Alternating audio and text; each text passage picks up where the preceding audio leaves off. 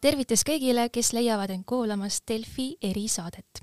mina olen Grete Põlluste ja täna on meil stuudios külas Rahvusvaheliste Kaitseuuringute Keskuse teadur Kalev Stoicescu. tere, Kalev! tere! tänases saates puudutame me siis Ukraina julgeolekukriisi, aga sellel on siis selline nõks küljes, et see on kodumaisema nurga alt. ja nimelt siis asume lahkama seda, kuidas Venemaa ja Ukraina vahel toimuv end Eesti julgeoleku tasandile ümber tõlgib ja natukene ajame juttu ka üleüldisest geopoliitilisest kontekstist. mis seal muud, kui hakkame pihta. nii, Kalev, Venemaa on siis seadnud Ukraina piiri taha üle kahe, üle, üle saja tuhande sõduri, hambuni relvastatud. aga see on üks asi. teine asi on see, et Valgevene juht Aleksandr Lukašenka mm, väljendas eile siis kodumaises meedias, et ka tema on saatmas kogu oma riigi sõjalise kontingendi Ukraina piiri äärde küsikski kõigepealt, et miks Valgevene ennast sedasi asjadesse segas? no see näitab, et äh, Valgevene on ähm, nii-öelda otsene kaasosaline Venemaa agressiooni ettevalmistamises ja, ja Valgevene on peale möödunud aasta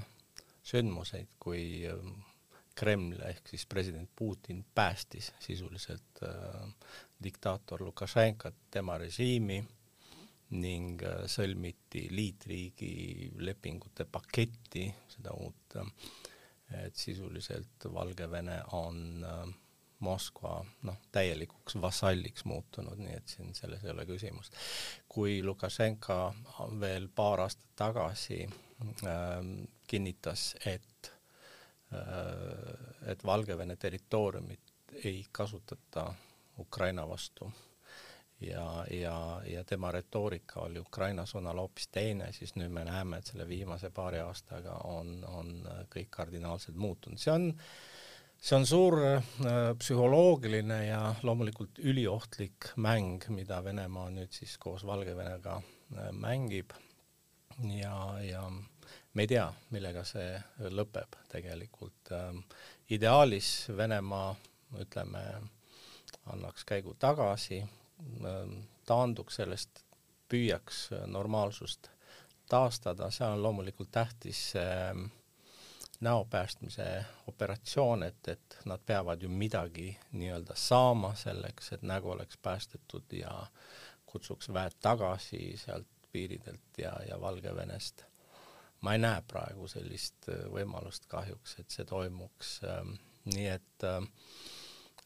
toimub pingete eskaleerimine ehk suurendamine ja, ja, ja siis on küsimus, et kas see võib toimuda lõputult, kui, kui kaugele võib neid pingeid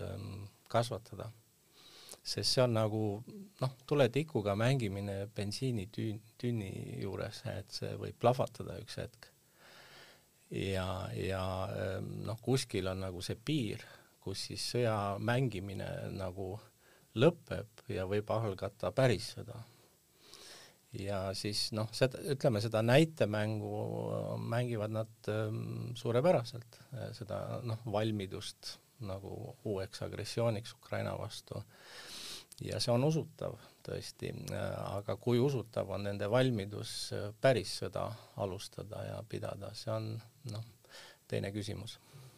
nii et äh, Lukašenka ikkagi on Putini ketikoer praegu ja siis äh, avalikkuses väljaütlemine nii-öelda siis äh, kas seda võib nagu võtta siis kui iseenda näo säilitamist oma kodumaise publiku ees, et jah, et tema ikkagi otsustab, mitte Putin ise? no ütleme nii, et Lukašenko on Kremlile jätkuvalt kasulik. ta on loomulikult sõltuv Kremlist täielikult ka finantsiliselt ja igatpidi selles mõttes, et kuivõrd ta on ju paariaks kuulutatud lääne poolt, seal on tugevad sanktsioonid peal, tal ei ole ka teist äh, alternatiivi. teisalt on Venemaale kasulik äh, mängida sellist mängu, et Valgevene on justkui iseseisev riik ja nii edasi, sellepärast et Valgevene kaudu saab korraldada igasuguseid inetuid asju, nagu me nägime näiteks selle migratsioonikriisiga seoses ja nii edasi Äh, kus siis äh, Kreml saab äh, käsi laiutada, öelda aga see on Valgevene, see ei ole meie, et äh, nemad, nemad tegid seda, rääkige Lukašenkaga, mis te meiega räägite. nii et noh, äh, selline äh, mäng siis äh, käib, mis puudutab Valgevenet mainisite, et äh, mängitakse tikkudega bensiini noh, tünni ääres põhimõtteliselt ja, ja see plahvatus võib nüüd läbi käia. milline plahvatus on Valgevene ja Venemaa jaoks kahjulik plahvatus? no ma arvan, et äh, neid on piisavalt äh, hoiatatud läänemaailma poolt, et mis on võimalikud äh, tagajärjed ja me ei räägi siin lihtsalt Ukrainast ja Ukraina, kuigi loomulikult äh, oleme kõik mures selle riigi ja selle rahva pärast, kes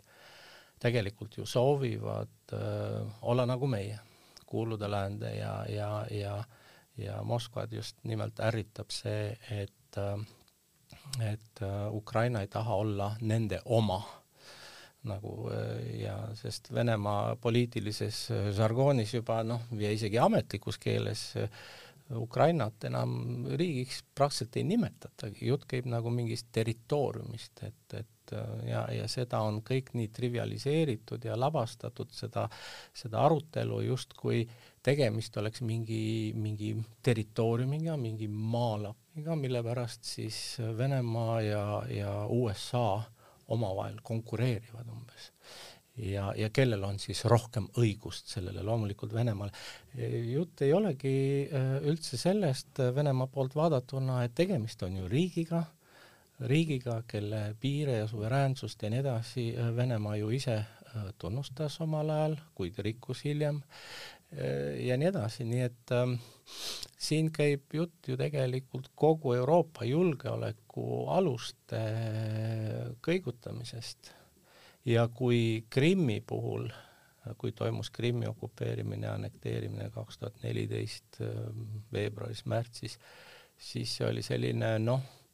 teatud mõttes nagu ülesäratus äh, ütleme Euroopale, siis nüüd võib toimuda päris selline tugev äh, raputus, maavärin, nii et Venemaa just kaalubki praegu neid plusse ja miinuseid, mis tal on võita ja mis tal on kaotada, sest äh, peab arvestama, et Venemaa poliitilises ja sõjalises mõtlemises on territoorium kesksel kohal. Valgevene on ka territoorium tegelikult, ta on selline nagu äh, pikendus, Venemaa pikendus ka sõjalises mõttes, Lääne sõjaväeringkonna pikendus, niisugune extension nii-öelda, et ta ei ole nagu mingi äh, riik, see on noh, nad valdasid seda kui Vene impeerium ja, ja, ja nad tahavad seda uuesti vabalt vallata ja konkurentsivabalt. Nad äh, absoluutselt, nad tahavad läänemaailma välja tõrjuda igalt poolt endise Nõukogude Liidu äh, nii-öelda ruumist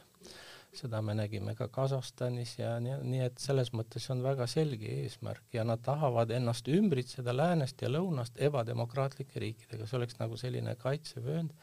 sest kõik noh, need ettepanekud, mida nad käisid välja NATO-le, USA-le, kus on nii-öelda julgeolekumured ja, ja relvastuskontrolli ettepanekud nii-öelda,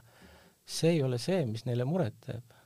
Nad ei karda äh, seda, et Eestil on äh, viietuhandeline sõjavägi, okei okay,, kakskümmend tuhat, kolmkümmend tuhat on koos reservväega ja tuhat NATO-last veel meie territooriumil. seda nad muidugi ei karda, nad kardavad just nimelt demokraatia levikut ja kinnistumist äh, naaberriikides, sest see suurendab seda ohtu Putini režiimile, et võib tekkida värviline revolutsioon ka Venemaal, mis sellele lõpu teeb, nii et et noh, see on ikka nagu tüüpiliselt on olnud ka Nõukogude ajal, et räägitakse ühest asjast, aga mõeldakse hoopis teisele. No aga kui võttagi see, et läheb Venemaa sõtta Ukrainaga, Valgevene sõtta Ukrainaga, kodumaine publik ei näi ju toetavat kummaski riigis seda tegelikult, kui nüüd võtta selles mõttes eeldused. no äh, meie õnneks jah. Äh, ütleme nii, et ähm, paljud ukrainlased ei kujuta seda ettegi ja, ja tegelikult võib olla, et äh, suurem ärevus on hoopiski Euroopa Liidu riikides kui Ukrainas endas. Ja võib-olla ka sellepärast, et ukrainlased on selle kaheksa aastaga sõjaga lihtsalt harjunud ühest küljest ja siis see ju käib kogu aeg seal Donbassis, nii et ähm, see, see pole kunagi lõppenud, nii et me tegelikult ei räägigi sõja puhkemisest, et seda on kogu aeg olnud, vaid me räägime uuest agressioonist ja, ja sissetungist Ukrainasse. ja see on valem, milles on mitte ainult üks muutuja, mis annaks kindla vastuse, vaid selles on väga palju muutujaid ja sellepärast Kreml püüab igale muutujale anda mingi hinnangu, mingi väärtuse alustame sanktsioonidest, majanduslikest sanktsioonidest Venemaa vastu, mis tõotavad olla väga karmid. näiteks seesama SWIFTi süsteemist, maksesüsteemist väljalülitamine, ehm, paneme sõjalised meetmed juurde, USA on valmis ju lisasõdureid ja sõjalisi võimeid tooma siia äh, nii-öelda ida äärealadele, Balti riikidesse, Poolasse, Rumeeniasse, nii et äh, kas Venemaa seda väga tahab? no ei taha. Ja noh, selles mõttes see, see mäng on praegu ül-, niisugune, et Venemaa on seekord mitte tegutsenud nagu Krimmi puhul, kus ta üllatas kõiki ja tegutses väga kiirelt, võttis Krimmi ära, järgnesid sanktsioonid, nüüd see mäng on teistsugune, nüüd Venemaa avalikult, täiesti avalikult ehitab üles seda rünnaku äh, potentsiaali ja seda, seda valmidust agressiooniks ja siis ven-, nüüd läänemaailm on sunnitud ka mängima teistmoodi seda mängu, ehk siis ette ütlema Venemaale, et kui te teete seda, siis olge valmis selleks. mis äh, on hea teatud mõttes heidutamiseks ka, aga ka halb selles mõttes, et Venemaa teab ette, mis tuleb. Ja tal on võimalik äh, nii palju, kui tal loomulikult on võimalik äh, selleks ette valmistuda, et vastu pidada nendele sanktsioonidele aga aega on vähe, mistõttu näiteks, mis puudutab SWIFT süsteemi, Venemaa enda süsteem, mida ta on noh, püüdnud hädaga luua, see kohe kindlasti ei aita Venemaad, nii et see saab olema väga tõsine löök ja seal võivad olla ka muud. Ja, ja, ja me räägime ka usaldusväärsusest, noh, et kui Putini režiimi ja Moskva usaldusväärsus on juba niigi nullilähedane, siis peale sellist no ütleme, Ukraina ründamist ja kõike seda ja kui nad peaksid gaasitarned ka veel katkestama Euroopasse, ütleme, keset talve nüüd, siis nende usaldusväärsus saab olema ümmargune null või isegi miinusmärgiga, nii et selles mõttes nad äh, tulistavad endale jalga, ma arvan, sellisel juhul või isegi mõlemasse jalga, nii et no kui nüüd hetkeolukorda vaadelda, siis äh, millised on Venemaa, Ukraina ja nüüd siis ka Valgevene kontekstis edasiseks kõige tõenäolisemad stsenaariumid? no raske öelda selles mõttes, et äh, ma arvan, et, et konflikti puhkemise tõenäosus on noh, viiskümmend, viiskümmend protsenti, fifty-fifty selles mõttes, et äh, ei saa välistada seda juba ainuüksi sellepärast, et äh, et Venemaa on juba jõudu kasutanud oma naaberriikide vastu, nii et võiks öelda piltlikult, et Putinil ongi hammas verel, nii et äh, teiseks, äh, kui nad on juba nii kaugele läinud, see näitab, et nad tahavad midagi tõsist teha ja saavutada, et see on ka nende jaoks selline tõehetk nüüd, et niisama taanduda äh, ei ole ka mõtet neil ilma mitte midagi saavutamata ja aeg nagu ei tööta nende kasuks, pigem Ukraina kasuks äh, ja aga risk on väga suur ma ütleksin, et see on nagu Vene rulett, kus noh, püstolis on noh, viis padrunit ühe asemel äh, kuuest sellest, nii et, äh, et tõenäosus mitte ennast maha lasta on äh, äärmiselt väike. ma arvan, et Hiina mm, Venemaa tunnetab, et Hiina on tema selja taga ja, ja väga tähtis saab olema nüüd see neljas veebruar, kui Pekingi olümpiamängud avatakse ja sel päeval on kavas ka president Putini kohtumine president Xiga. Ja, ja Vene meedia raporteerib, et äh, Hiina olevat äh, heaks kiitnud äh, Venemaa seisukohta, et äh,, et Ukraina ei tohiks äh, NATO-ga liituda, kuigi Venemaa nõudmised on ju palju-palju suuremad tegelikult, nagu me teame. ja, ja nüüd eks ole siis näha äh, mis, mis tunnetega president Putin sealt äh, Pekingist tagasi äh, tuleb. ja, ja kui, kui Hiina ongi Venemaa taga teatud mõttes, siis ma arvan, et ega Venemaal väga palju hõisata ei ole, sest hiinlaste käes võib ka nuga olla teatud hetkel, kui nad on seal selja taga, nii et et kui Venemaa peaks põruma selles mingis uues kohutavas avantüüris läänes, siis äh, ja Putin arvab, et ainult tema on see osav ja pragmaatik, kes oskab äh, võimalusi enda kasuks ruttu ära kasutada, ma arvan, et hiinlased on ka üht-teist õppinud. Ja, ja, ja kõige suurem oht Venemaal on noh, niikuinii Kesk-Aasia äralibisemine aga mõeldav on ka,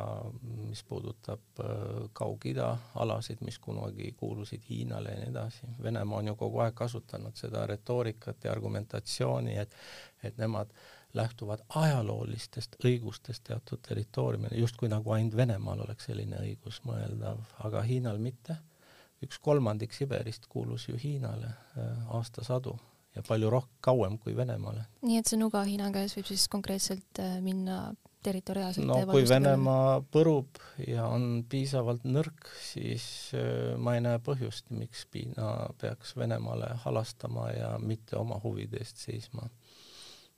no arusaadav, aga siiski räägitakse ju erinevatest variantidest Ukraina puhul, et äh, kas siis äh, Donbassi sissetung ja näiteks Luhanski ja Donetski tunnustamine siis äh, iseseisvate üksustena või siis ikkagi Venemaa külge liitmine, on ka selline stsenaarium, et näiteks Lõuna-Ukraina täiesti endale võtta, Ukraina merest eraldada. Ja on ka variant, et äkki täie, täiemõõduline sissetung ja Kiievis siis valitsus ära vahetada et äh, mis te arvate, kas nendel stsenaariumitel on alust all või on teil mingeid muid ettepanekuid? stsenaariumeid on erinevaid jah, minagi olen spekuleerinud teatud stsenaariumite osas, mis võivad olla rohkem või vähem tõenäolised ja üks asi on kindel, et venelastel peab olema sõjategevuse alustamiseks mingi põhjus, mida juriidikas nimetatakse kaasusbelliks ehk siis sõdimise aluseks, ütleme. ja ja see, seda nad püüavad äh, noh, kõige tõenäolisemalt äh, korraldada siis okupeeritud aladel Donbassis, Luganskis, kas siis kontrolljoont ületades mingi rünnakuga või provotseerides rünnakut iseenda vastu ja süüdistades Ukrainat, et näed, nad alustasid sõjategevust. poliitilises plaanis jah, äh, on olnud uudiseid, et Riigiduuma päevakorda võidakse võtta küsimus äh, siis nende nõndanimetatud rahvavabariikide äh, iseseisvuse ähm, tunnustamisest. Äh, noh, see siis sarnaneks võib-olla täpi pealt sellega, ähm, kuidas kujunes see välja siis Abhaasia ja Lõuna-Osseetia puhul, et ja siis ähm, Venemaa tunnustaks neid ametlikult ja seaks sisse diplomaatilised suhted ja mingid imelikud rahvavabariikide suursaadikud seal käiksid Moskvas ringis ja oleksid diplomaatilise korpuse nimekirjas ja nii edasi. ja, ja keegi ei võtaks seda tõsiselt, aga Venemaa, selles mõttes, et see ongi erinevus Krimmiga, et neid territooriumeid otseselt ei annekteeritaks, Venemaa koosseisu ei võetaks, vaid oleksid nii-öelda iseseisvad moodustised seal. ja, ja kel noh, nagu ütleme, Abhaasias, Lõuna-Osseetias ju kohalikud juhid on ju FSB-lased põhiliselt, noh, nii millest me räägime, noh, Venemaad juhib FSB-lane, loomulikult ka selliseid moodustisi juhivad FSB-lased, nii et või KGB-did, kuidas neid nimetada. nii et ja see on, oleks siis mõeldud selleks, et provotseerida Ukrainat minema rünnakule et, et muidu on oht, et Venemaa annekteerib nad ära peale selle tunnustamise, et see on ilmselge provokatsioon ja, ja, ja ma, ma ei usu, et Ukraina noh, nii närvi läheb selle peale, et kaotab äh, nii-öelda enesevalitsemise ja, ja teeb seda, mida Venemaa tahab, et ta teeks. mille peale Ukraina kaotaks enesevalitsuse? no selle peale, kui Moskva äh, tunnustaks nende rahvavabariikide iseseisvuse, ütleme nii, ja sest noh, de facto on seda juba tehtud ju. Ja, ja tegelikult ka nendele kohalikele inimestele on isegi mitte antud, vaid peale surutud Venemaa kodakondsus, neile on antud Venemaa passid ja noh, nii et sisuliselt need, need ongi de facto annekteeritud territooriumid, nii et ja ma ei tea, kas pikemas perspektiivis Ukrainal üldse kasulikki oleks neid äh, tagasi saada, need äh, jah, ajaloo, noh, rahvusvaheline õigus ja kõik ütleb seda ja ka Krimmi puhul, aga nad oleksid äh, pesuehtsad Trooja hobused Ukraina koosseisus mm. -hmm. nii et noh, kui nüüd võtta ikkagi need palju, paljunäolised stsenaariumid, siis millise alla te raha paneksite, kui te peaksite panema põhimõtteliselt? ma arvan, et Äh, noh, ma üldiselt raha peal ei mängi, aga äh, põhimõtteliselt aga nii-öelda piltlikult, kui ma peaksin oma raha ja, ja, ja nii palju raha ka ei ole, et kuhugi panna niimoodi, aga, aga ütleme, et siis äh, pigem selle peale, et äh, et krutitakse neid pingeid Moskva poolt, äh, noh, ka Valgevene abil natukene, Viimse piirini. Ja siis äh, siis toimub mingisugune pingelangus, kui on selge, et äh, nad ei saavuta äh, nii rohkemat midagi, kui äh, kui, kui neile on pakutud selleks ajaks, ütleme, küsimus on, mida pakutakse. jah, on olnud juttu sellest, et võib rääkida teatud relvastuskontrolli elementidest, no ütleme seal äh, kuidas üks või teine pool sõjaõppusi peab või kuidas või kus paiknevad keskmaa raketid, noh, sellised asjad, ütleme. aga äh, põhimõttelistest küsimustest, ka poliitilistest küsimustest nagu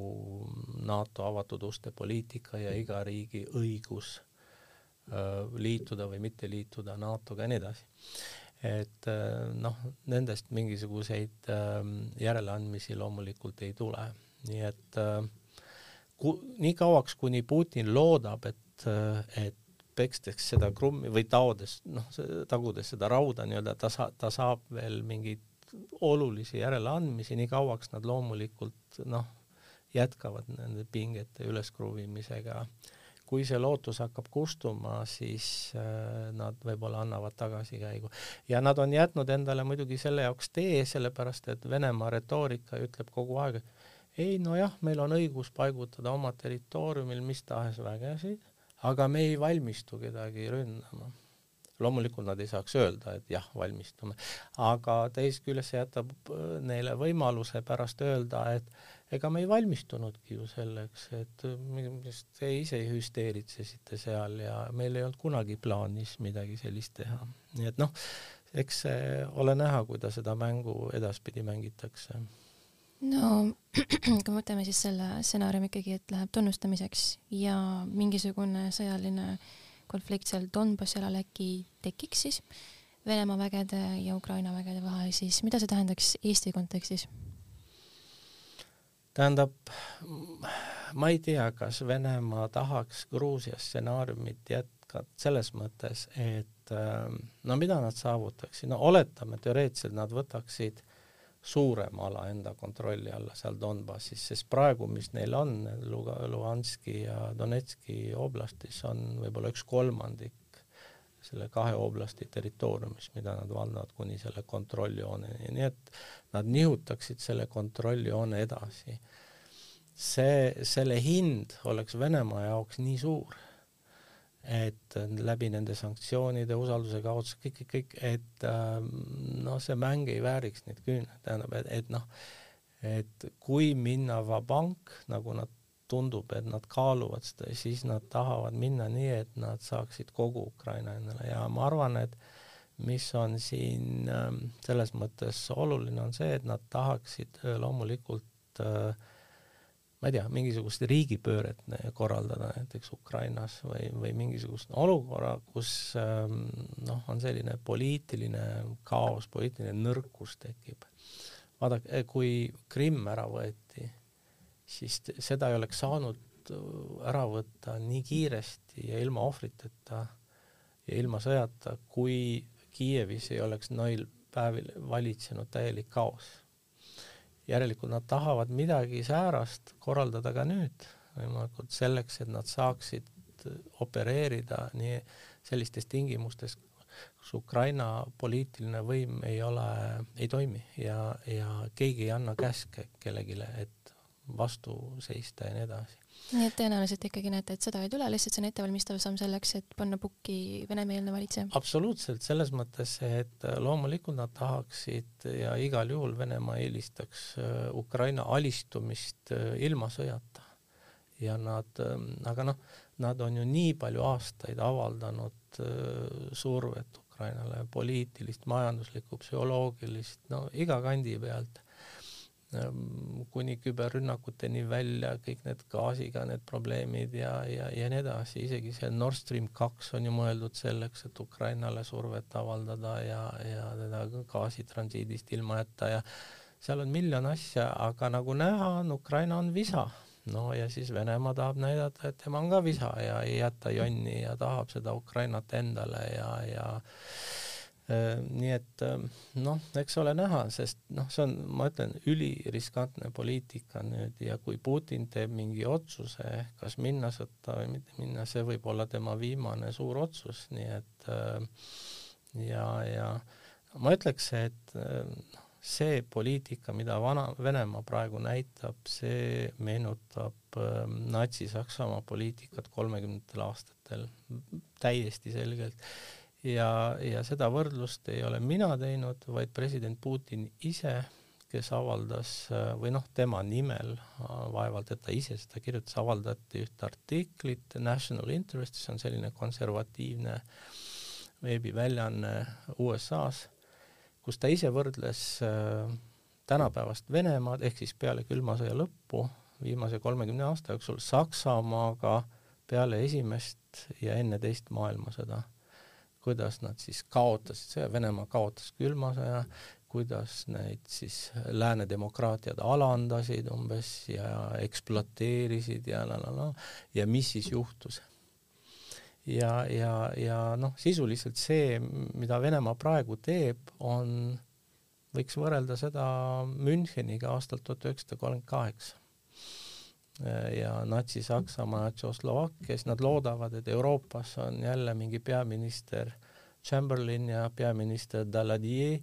kes siis tulevad hirmunult kohale ja siis nii, nagu nad toona pakkusid Tšehhoslovakkia Hitlerile, et, et noh, et siis on tema isu rahuldatud ja nii edasi ja ja me teame, et tema isu ei saanud täis ja mis sellele järgnes, suur ja laastav sõda, nii et et kui Euroopa nüüd kordab seda poliitikat, nähes, kuidas Venemaa käitub, siis me astume täpselt sedasama rada pidi nagu noh, kaheksakümmend pluss aastat tagasi, nii et ma isegi arvan, et äh, Saksamaa süütunde sündroom, mis neil on peale teist maailmasõda ja millegipärast äh, ainult Venemaa osas, mitte meie või teiste ohvrite osas või poolakad, et see võiks muutuda juba, kui ka sakslane saab aru, et tänapäevane Venemaa käitub nagu Natsi-Saksamaa ja nii et äh, eks ole näha, eks ole näha, see teatud ajaloolised paralleelid on ehmatavad tegelikult. aga kui nüüd võtta see USA administratsiooni otsus saata Ida-Euroopasse täiendavalt äh, üle kaheksa tuhande sõduri,